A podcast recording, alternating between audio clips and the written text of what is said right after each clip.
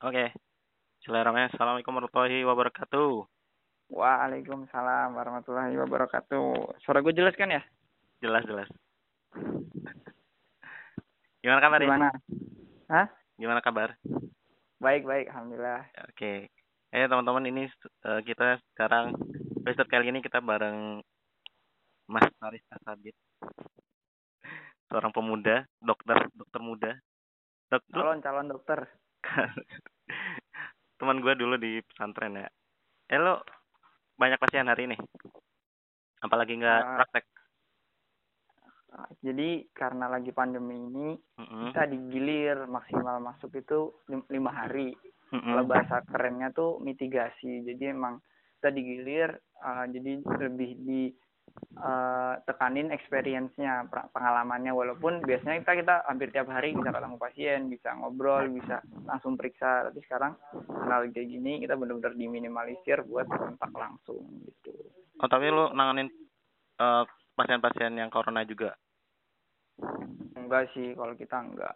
Karena emang pertama selain belum berkompeten, ya kita mungkin lari di edukasi sama paling bagus juga kita di tracing kayak misal ini orang habis kena ke mana aja ke mana aja gitu. Oh. Cuman ya kita belum ideal gitu bro.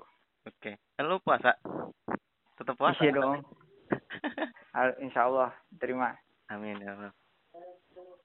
Eh, berarti sekarang kegiatan ngapain nih? Jadi sehari-hari ya kita tetap belajar, kita juga tetap ada kuliah walaupun online. Kita juga eh, stay update ke informasi terutama tentang COVID ini biar ya apa ya kita kan dituntut buat long life learner gitu. Jadi Hmm. eh, tiap tahun tiap lima tahun kalau nggak salah para dokter tuh di kalau nanti kita praktek tuh kita dituntut untuk memenuhi memenuhi poin terse- poin tersendiri yang disebut SKP gitu. Jadi intinya ya belajar tuh udah melekat dalam anu diri kita dan itu apa pun gitu. Ya oke. Berarti sekarang lu udah praktek di rumah sakit. Itu yang nentuin rumah sakitnya lu daftar atau gimana? Jadi gue sampai saat ini belum prak, belum praktek. Jadi gue masih Hmm. jadi dokter muda Mm-mm. dan itu biasanya kerjasama antara fakultas gue dengan rumah sakit tertentu. Kayak misalnya eh, kemarin waktu stase kandungan Mm-mm. karena di Muardi itu rumah sakitnya tipe A eh, penyakitnya kitanya udah berat akhirnya gue dipencar lah ke daerah ada Oh. rumah sakit tipe C biasanya rumah sakit daerah kemarin kan gue dapet di Kebumen dia dapet di Boyolali sempet juga dapet di Wonogiri gitu. jadi ke- lebih ke fakultas sama kerjasama dengan univ tertentu gitu. eh dengan rumah sakit tertentu Lu terakhir berarti sekarang di rumah sakit apa nih? kalau sekarang eh, kebetulan di RSUNS rumah sakit UNS jadi emang punya sendiri Oh. gitu ha. Eh tapi sebelumnya pas lagi di pesantren perasaan lu kan nggak kelihatan aura-aura pengen jadi dokter. Lu kayak pengen keluar negeri, pengen jalan-jalan, pengen ngapain gitu. Terus tiba-tiba kenapa jadi pengen jadi dokter sih? Gue pengen penasaran deh. Enggak bro, dari kecil gue emang mindset kayak gitu sebenarnya.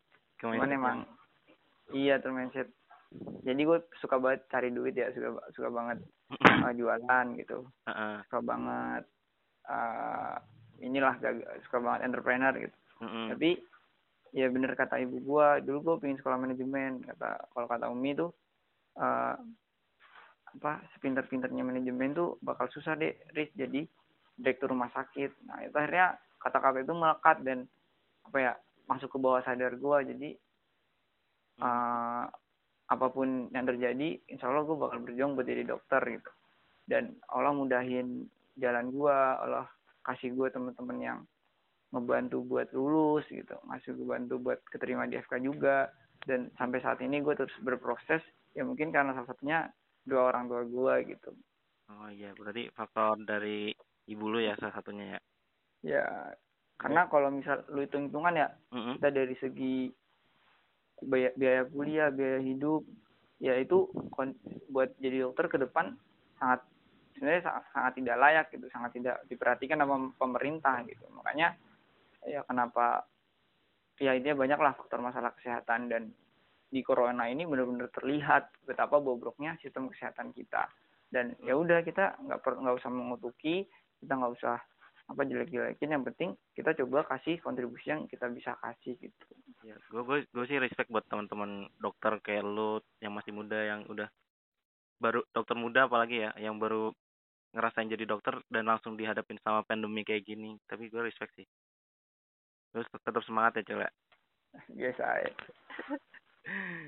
eh tapi jadi dokter kalau berarti kalau dalam masa kayak gini berat banget berarti ya ya gue pernah ngerasain kan ya pakai baju yang apa tuh APD. baju yang full itu APD full terus pakai masker yang N95 itu Mm-mm. gila walaupun dikasih gratis itu bener-bener gerah panas Mm-mm. sakit nggak nyaman dan lo harus stay gitu harus di, di- kan dituntut mikir juga gini ini pasien kenapa? Harus kita tindakan apa? Kita juga dia kan manusia nggak bisa kita eh, apa cepet-cepet gitu ya kita Hmm. kasih pelayanan. Gue pernah ngerasain pakai baju itu panas banget dan ya kalau pasiennya nggak paham merasa direndahkan dengan pakai baju kayak gitu gitu. Hmm. tapi ya kita coba edukasi dan uh, ya kalau berat ya jujur berat banget. Tapi ya inilah di sini menurut gue ujian buat para dokter di Indonesia gitu. Kalau mereka buktiin satu sisi mereka emang berkecupan dari segi, materi tapi satu sisi mereka juga nggak takut buat berjuang. Walaupun memang kita lihat fakta di lapangan ada beberapa dokter yang cuti. Beberapa dokter yang ya mungkin sebenarnya nggak cuti karena terkena dan diwajibkan untuk mengisolasi diri gitu karena Iya. terpapar gitu. Kalau di rumah sakit yang di tempat lu banyak juga nggak yang kena kayak gitu jadi baru aja nih. Mm-mm. sebelumnya kan yang jadi rujukan itu baru rumah sakit Muardi yang sebelumnya kita di sana dan kita dipindahin ke RSUNS dan Mm-mm. tiba-tiba baru aja diresmiin buat jadi uh, rujukan. Dan di sana lu bayangin dokter parunya itu yang berkompeten buat uh, ngurus covid itu Mm-mm. cuma satu gitu. Dan beliau juga punya anak dan sempat curhat juga gitu. Dan gua manusiawi ketika seseorang itu melampiaskan ke kekesalannya melampiaskan kesedihannya tapi ya udah itu bagian dari konsekuensi dan ya sampai saat ini tetap jadi rujukan gitu dan kemarin sih terakhir eh, ya adalah belasan gitu yang dirawat Iya, iya. Eh, tapi lu pendidikan udah kelar berarti kedokterannya? kalau S1-nya gue udah sarjana, gue udah sarjana kedokteran. Nah, sekarang gue lagi jadi dokter muda. Karena kan, ya lu bayangin kita ilmu cuma belajar di kelas, kita nggak tahu sih yang mana yang namanya bunyi jantung, mana yang cara nyuntik. Nah, itu kita belajar langsung sama pasien, tetapi dalam pengawasan. Makanya kalau teman-teman punya rezeki atau teman-teman punya apa ya punya ini lebih, gue saranin sih lebih mending uh, berobat di swasta karena nggak jadi bahan belajar dan ya lebih safe aja gitu cuman ya itulah negara kita bro Iya. Tetap aja ya. ya unboxing Tapi da- habis selesai pendidikan lu pengen lanjutin ke mana berarti? Spesialisasinya.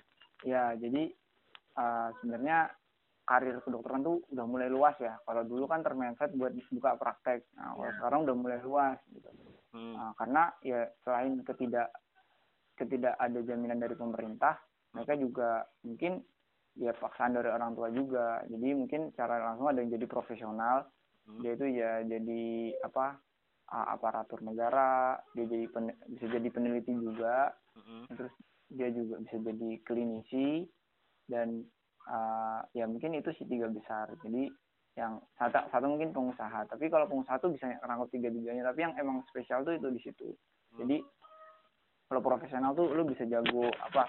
Misal uh, di manajemen bisa jadi atau ahli epidemiologi itu yang dia bisa nentuin kalau misal di kasus pandemi ini dia kapan turunnya, dia harus ngelakuin apa itu ahli pak ahli epidemiologi Oh iya. uh, pokoknya banyak sebenarnya yang bisa ini. Nah kalau gua itu minat banget di manajemen rumah sakit atau mungkin gelarnya ntar Mars manajemen rumah sakit. Jadi uh, yang ngelola bagaimana bikin bikin ruangan oka, gimana biar harganya itu masuk akal gitu, gimana pelayanannya bisa cepat, ramah itu emang gua ingin di situnya gitu di manajemennya.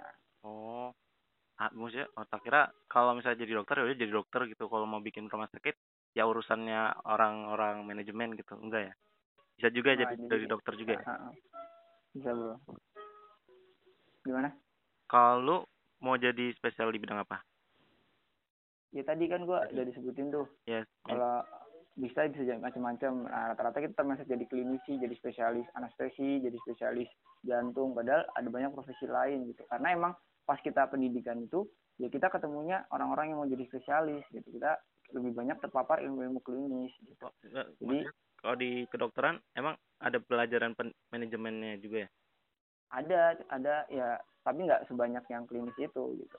Oh, karena emang dari fakta 90% rata-rata mereka praktek. Karena emang ilmu dasarnya itu. Tapi ada juga kayak misal ya tadi kita kita belajar kapan gimana sih BPJS gimana kebijakannya kenapa bisa kayak gini Eh, kalau eh, angka misal kalau eh, dana iurannya ditunggak itu gimana?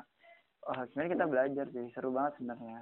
Cuman emang ya orang jarang minat di situ karena ya mereka terpikirnya mindsetnya oh gue mau jadi mau ngobatin. Padahal kalau kata dokter Tirta kan ya ya dokter tuh juga bisa buat preventif promotif atau mencegah dan memberikan edukasi ke masyarakat. Dan gue percaya kalau kita tuh nggak kita tuh apa ya tubuh kita tuh sehat defaultnya tuh udah sehat gitu loh. Kalau ciptain sempurna yang akhirnya bisa dia bisa bisa meregenerasi sel sendiri gitu. Kalau virus aja mutasi harusnya tubuh kita bisa mutasi buat lebih kuat gitu loh.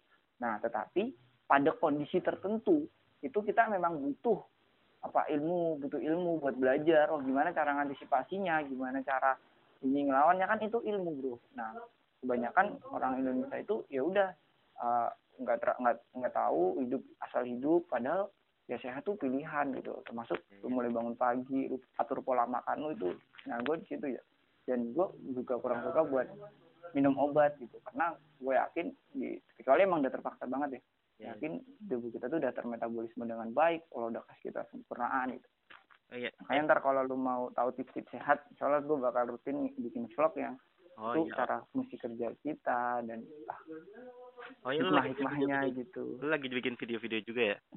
iya Iya. kalau doain aja biar istiqomah Iya. Terus susah sih bikin konten Iya. Apa-apa. Belajar sama Bu Afi, no. ya kan dia lucu-lucu pak Iya. Jadi tinggal riset aja yang banyak Iya. gua juga harus gitu ah Eh, tapi ini kan bulan Ramadan ya. hmm Nah, kalau secara lu yang lu pelajari nih, secara medis puasa itu Ah. faedahnya apa sih buat lu? nah jadi eh, dari dulu tuh bapak kedokteran itu atau Hippocrates Mm-mm. itu bilang setiap orang punya dokter dalam tubuhnya jadi eh, apa ya salah puasa ini adalah salah satu detoksifikasi atau eh, ngilangin racun di dalam tubuh kita gitu Oh, jadi intinya eh, puasa ini mengajarkan prinsip keseimbangan dalam tubuh kita mm. Emang ada Gitu, bro. jadi oh ada dong di di Al-Qur'an lu- ada di yang gue suka tuh di surat Ar-Rahman Iya. wa aqimul wazna bil qisti wala tukhsirul mizan. Jadi kita harus balance dalam hidup kita gitu. Hmm, Ah, mulai dari ah, makan sehat, Iya. puasa, tidur dan olahraga, aktivitas-aktivitas kita gitu. Berarti pola hidup itu termasuk yang diajarin di dalam puasa juga ya? Ya, betul. Jadi ini gue pernah baca penelitian ya. Mm-mm. Kalau tikus Mm-mm. yang dikasih makan, eh, pokoknya ada ter- selalu tersedia makanan Mm-mm. sama sama tikus yang dikasih makanan pagi sama sore. Mm-mm. Kira-kira menurut lu umur lu umurnya lebih lebih panjang yang mana? Oh, Selain masalah takdir ya. kalau- kalau menurut logika sih yang yang ada makanan setiap Nah, iya kalau kita logika gitu kan karena dia subur makan terus tapi ternyata enggak, Bro. enggak. Jadi yang eh, yang dikasih makan pagi dan siang dia lebih survive hidupnya. Dia bisa lebih lincah, dia juga ini Oh, bisa gitu. gitu. Bro. Mm-mm. Jadi emang itu masalahnya puasa gitu. Oh. Jadi sebenarnya puasa itu kalau kalau menurut orang wah puasa ngapain sih nahan lapar nahan minum orang biasa-biasa makanan biasa hidup bisa hidup. Ternyata ada faedahnya juga ya. Iya, masalah banget. Nah. Nah, ma- jadi tadi kan gue bilang detoksifikasi atau Mhm. kita uh, ada proses lain namanya autofagi. Jadi ketika memang uh, kita lapar gitu ya kan otomatis pro- proses apa proses ini kita menu, apa ya jarang gitu Hmm. nyebutnya atau kondisi glukosanya rendah. Nah akhirnya kita bakal melakukan proses yang namanya autofagi atau autofa atau autofagi atau uh, makan uh, jadi organ-organ yang tidak penting dalam tubuh itu bakal didestruksi bakal dia dia bakal dihilangin gitu Hmm. Iya, iya. akhirnya imunitas tubuh kita bakal meningkat Ih, bagus ya. Tapi nih, kalau kita kan makan, buka, makan Hmm. sahur, makan buka, itu kalau menurut lu nih, menurut lu, makanan yang cocok buat buka sama sahur tuh apa? Buat kita yang lagi puasa kayak gini. oke ah, jadi kalau sebenarnya sunnah itu udah keren banget sih Hmm. Nah, soalnya kalau gue biasa buka kemarin baru dapat kajian di dokter Piprim itu nyebutin ya kita makan yang tinggi protein jadi Hmm. putih telur gitu sama kurma karena kurma itu glukosanya cukup gitu biasanya gue minum itu sih dan ya mau nggak mau harus kurangi nasi juga kalau buat sahur. Tapi kalau emang kecanduan nggak apa-apa sih. Yang penting protein sama sayurnya imbang gitu. Jadi uh, jangan sampai nasinya banyak. Wah kayak kita pas santri dulu ya. Wah ini nasinya banyak. Eh langsung cuma seuprit nggak harus seimbang nasi karbohidrat protein Iya, sama vitamin mineralnya. Iya, siap. Kalau gorengan, ya asal dalam batas normal sih.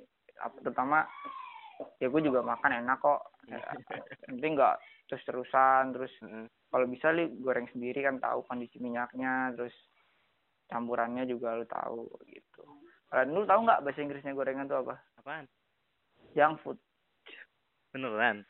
iya junk food Iya sih. jadi sebenarnya kalau bagi mereka tuh makanan sampah tapi ya udah itu kan gue juga suka dan yang penting kita tetap bahagia yang paling penting ya kalau percuma juga kalau kita makan tapi wah tertekan atau ini Iya. sama aja dong Iya, kemarin ada yang bahas juga tuh kalau makan kalau makan makanan sehat tuh apa bagus buat kesehatan fisik. Kalau makan makanan yang enak itu bagus buat kesehatan mental. Itu bener gak sih? ya kalau secara teori sih ada benernya juga tapi nggak saklek kayak gitu Mi- misal lu makan enak tapi nggak seimbang misal enaknya gula doang minyak udah habis Ada. ya kan Iya. Ya, tapi kalau enaknya itu posisi porsinya seimbang, wah ada karbonya, ada dagingnya itu di ini apa? Hmm. Ya sebenarnya enak tuh kembali ke ilmu nggak sih bro? Kalau Iya. lu makan pakai nafsu doang atau pakai wah gue pingin ini gue pingin ini lihat kemakan iklan nggak tahu udah basicnya Mm-mm. ya padahal agama kita kan ngajarin buat ikro gitu buat baca buat stay update Iya benar sih. terus Eh. terus Ya. Riz. Ya Riz. Anget banget. Hah? Oh, iya. Ini kalau terus terus yang terakhir ya apa ada lagi ada lagi nih satu lagi. Kalau kalau ini nih, kan lu kan di dunia medis juga. Hah? Sebenarnya kalau buat kita nih kalau lagi sakit Hmm. harus milih obat herbal apa obat kimia? Nah, ini nggak bisa gue jawab dua-duanya. Jadi, uh, sampai saat ini kita harus ngakuin bahwa herbal itu juga bagian dari kimia. Oh, gitu? Contohnya, gimana? Contohnya gimana? Ya, uh, kita minum jahe gitu. Iya. Kan jahe ada yang jadi serbuk. Iya, tuh. betul. Nah, kira-kira itu dipakai proses kimia nggak? Proses kimia sih digodok. Nah, Ba- sama kayak gitu bro. Jadi, uh, kita Mm-mm. makanan makanan ah, makanan di dalam tubuh eh apa obat di dalam tubuh kita sama proses kimia atau herbal itu melalui proses nah bedanya itu yang kimia itu dia juga dari alam sob bedanya dia memang eh, apa ya eh, karena udah melewati uji klinis Ya. udah dicoba di hewan udah dicoba di manusia akhirnya kita bisa tahu oh obat ini bahayanya gimana terus kita jadi tahu cara ngakalinnya gimana ngerti nggak Oh, iya iya. jadi sebenarnya obat itu atau apa eh, segala sesuatu yang masuk dalam tubuh kita tidak sesuai eh, alamiahnya itu kan gue udah bilang ya tubuh kita tuh hebat tadi di awal nah itu sebenarnya racun bedanya apa cuma di aturannya sob Hmm. Jadi aturan itu yang bikin uh, kita bisa konsumsi. Jadi misal lu minum herbal tapi lu grojok, lu minum nggak pakai aturan, wah, gue suka madu nih, lu minum 24 jam madu terus per jam minum. Ya sama aja dong, lu makan racun juga gitu loh. Oh, Jadi keduanya itu kalau misal kayak ikan iklan pasta gigi itu ya sebenarnya sama-sama mengimbangi ya. obat kimia itu berasal dari herbal dan herbal itu juga diproses olah melalui proses kimiawi gitu loh. Jadi sama-sama aja gitu. Iya jadi itu sebenarnya kalau emang paradigma kuno yang memisahkan antara tradisional medicine atau mungkin uh, kedokteran Islam dengan kedokteran modern. Padahal kalau lu kalau kita emang tahu dan belajar itu sebenarnya konsepnya sama gitu loh. Hmm. cuman emang beda di apa ya Wek? beda di ya hak patennya gitu. Kadang kan herbal itu karena nggak uh, dipatenin tanda kutip apa ya uh, segala ya, iya jadi kok semua orang bisa mengakses akhirnya ya. karena nggak ada lisensinya tukang jamu bikin padahal kalau gue denger orang-orang itu ya jamu-jamu yang jos itu dia juga dikasih obat yang namanya steroid yang bisa bikin kita jos gitu. Padahal kandungan jamunya biasa aja. Tapi karena dikasih steroid itu yang bikin lega, wah plong ya dokter juga bisa aja kita kasih tapi kan kita tahu memang kalau kita kasih steroid terus terusan emang orangnya seger plong gitu. Tapi efek sampingnya bahaya cuy. Dia bisa jadi apa uh, kita nyebutnya apa ya bahasa gampangnya itu punya punuk nah, terus mukanya bisa kayak bulan gitu. Bisa moon face. Itu efek samping yang orang-orang asal dipakai gak tahu cuy. Gitu. Makanya serem juga kalau kita pakai herbal yang ya apalagi model testimoni belum lewat uji klinis. Sebenarnya uji klinis itu bukan bikin kita mahal enggak. Tapi ya itulah. Ah, biar kita update eh biar kita punya standar gitu aja enggak berarti kita nggak boleh benar-benar apa nggak boleh saklek bener oh gua nggak mau minum obat kimia obat herbal aja semua gitu ya. Nggak boleh ya? Ya nggak nggak bisa dong. Ya lu pada akhirnya uh, mereka itu tuh rajin meneliti nggak kayak kita. Kita cuma percaya testimoni. Mereka itu hmm. benar-benar dihitung. Oh dari 100 pasien dikasih ini uh, apa gitu. Di, reaksinya apa? Oh lebih bagus ini. Jadi berdasarkan experience dan dihitung dicatat. Nggak kayak gitu oh ini kebetulan cocok di satu orang yang 99 orang lainnya nggak cocok.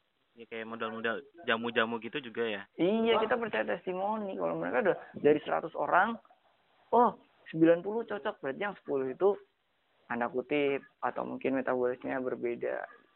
Dan kita lemah banget sih orang timur ini buat rajin ngitung rajin nulis. Karena kita udah terlalu percaya dengan testimoni terlalu nyaman dengan apa ya omongan orang lah. takdir iya atau dengan omongan orang. Akhirnya kita ya, termasuk lit, akhir salah satu akarnya itu literasi atau minat baca kita yang rendah gitu. Kita oh percaya aja. Oh, kayak share-sharean WA broadcast oh, set, oh bagus share bagus share. Wah kacau. Jadi kita harus eh, benar-benar teliti lagi sama info-info ya. Iya jadi iya, balik itu lagi sih kalau kita tarik juga, gue dapat info angkalnya ini yang kalau mau nangkal corona pakai teh sama lemon itu bener nggak sih? Ya gue nggak bisa jawab lah mungkin ada yang lebih tahu tapi sebenarnya sehebat apa pun dokter itu ya kehebatan dia itu adalah keberserahan diri dia gitu loh hmm. jadi ya kita nggak bisa ngapa-ngapain kita cuma punya ilmu kita cuma tahu dasarnya gini pada akhirnya yang nyembahin yang nyembuhin pikiran pasien itu sendiri dan yang di atas gitu. ya betul nah kalau misal ada wow pen, apa tangkal melawan ya, ya sebenarnya melawan diri kalian sendiri dengan pemerintah ada ngasih pilih apa saran-saran buat physical distancing terus jaga pola hidup sehat cuci tangan dan kawan-kawan gitu kan. Ya betul betul. Nggak boleh berkerumun. Nah, kalau misal kita langsung tembak gitu ya maksudnya motivasinya apa? Mungkin barangkali ada penelitian nyebutin bahwa kandungan teh itu begini gini gini. Nah mungkin sedikit masuk akal atau sedikit niat lah bikin broadcastnya. Tapi yang gue tahu kalau emang lemon tuh kan ada vitamin C-nya. Yeah. jadi dia walaupun paling banyak tuh di cabai nah vitamin C itu emang secara bukti ilmiah itu bisa bikin ningkatin imun kita. Jadi ya mungkin lemonnya bisa. Tapi kalau tehnya ya gue belum baca banyak sih. Yang gue tahu kalau teh itu nggak bolehnya habis makan daging. Kenapa itu? Ya itu jadi uh, teh itu punya kalau cari kalau salah ntar teman-teman bisa koreksi punya kandungan tanin yang bisa bikin kalau uh, reproduksi apa tuh bro? Reproduksi daging kita itu di dalam tubuh, tubuh itu jadi nggak adekuat gitu. jadi nggak jadi lu udah capek-capek makan daging yang harusnya diproses eh ada zat yang menghalangi untuk zat terse- eh, daging tersebut diproses. Nah, Jadi itu makanya gantian. kalau bisa lu habis minum itu kalau nggak minum air putih atau minum disarankan minum jeruk. Kalau lu pingin banget teh udah terbiasa banget soalnya kita ya kalau minum makan di warung ya, ya Iya. sekali-kali aja nggak apa-apa atau sebelumnya baik baik, gitu, baik. Sob. oke makasih Riz udah sharing-sharing sama gue udah. Iya, semoga bermanfaat. Iya. Nah, banyak ini eh, edukasi-edukasi kayak gini biar masyarakat paham. Kan jadi aware nih mulai kesehatan kalau emang eh, alok- alokasi tubuh kita itu luar biasa gitu dan mungkin kita nggak mensyukurnya karena emang nggak tahu. Kita wah, oke lah. Kita donorin lah organnya kita rusak dengan apa dengan banyak begadang makan sembarangan. Iya. Terus ngatain orang itu ngatain orang juga bagian Emang dari emosi emosi negatif coy. Emang efek ke fisik juga? Ya iyalah bro. Nggak itu kan tadi gue bilang seimbang. Ya iya iya iya. Anda melempar bat bola emang bolanya nggak balik? Ya minimal ditahan dulu lah sama temboknya. Iya mau dia balikin ke kita atau enggak suatu saat bakal ini. Jadi kalau gue boleh bilang ya kenapa kita bisa sakit? Salah satunya ya gimana kita memperlakukan orang lain itu bisa jadi coy oke oke ya udah, makasih Riz ya udah bagi-bagi ilmunya sehat selalu semangat buat dokter muda nih salam buat teman-teman makasih Iya. banyak udah doain gua udah support udah doain gue juga bisa ya manfaat lah Iya, iya. punya Amin ya Allah, amin. Ya. Salam buat keluarga ya, Riz. siap siap Ya, iya, siap. Eh, segitu deh ya. Oke tutup. Assalamualaikum warahmatullahi wabarakatuh. waalaikumsalam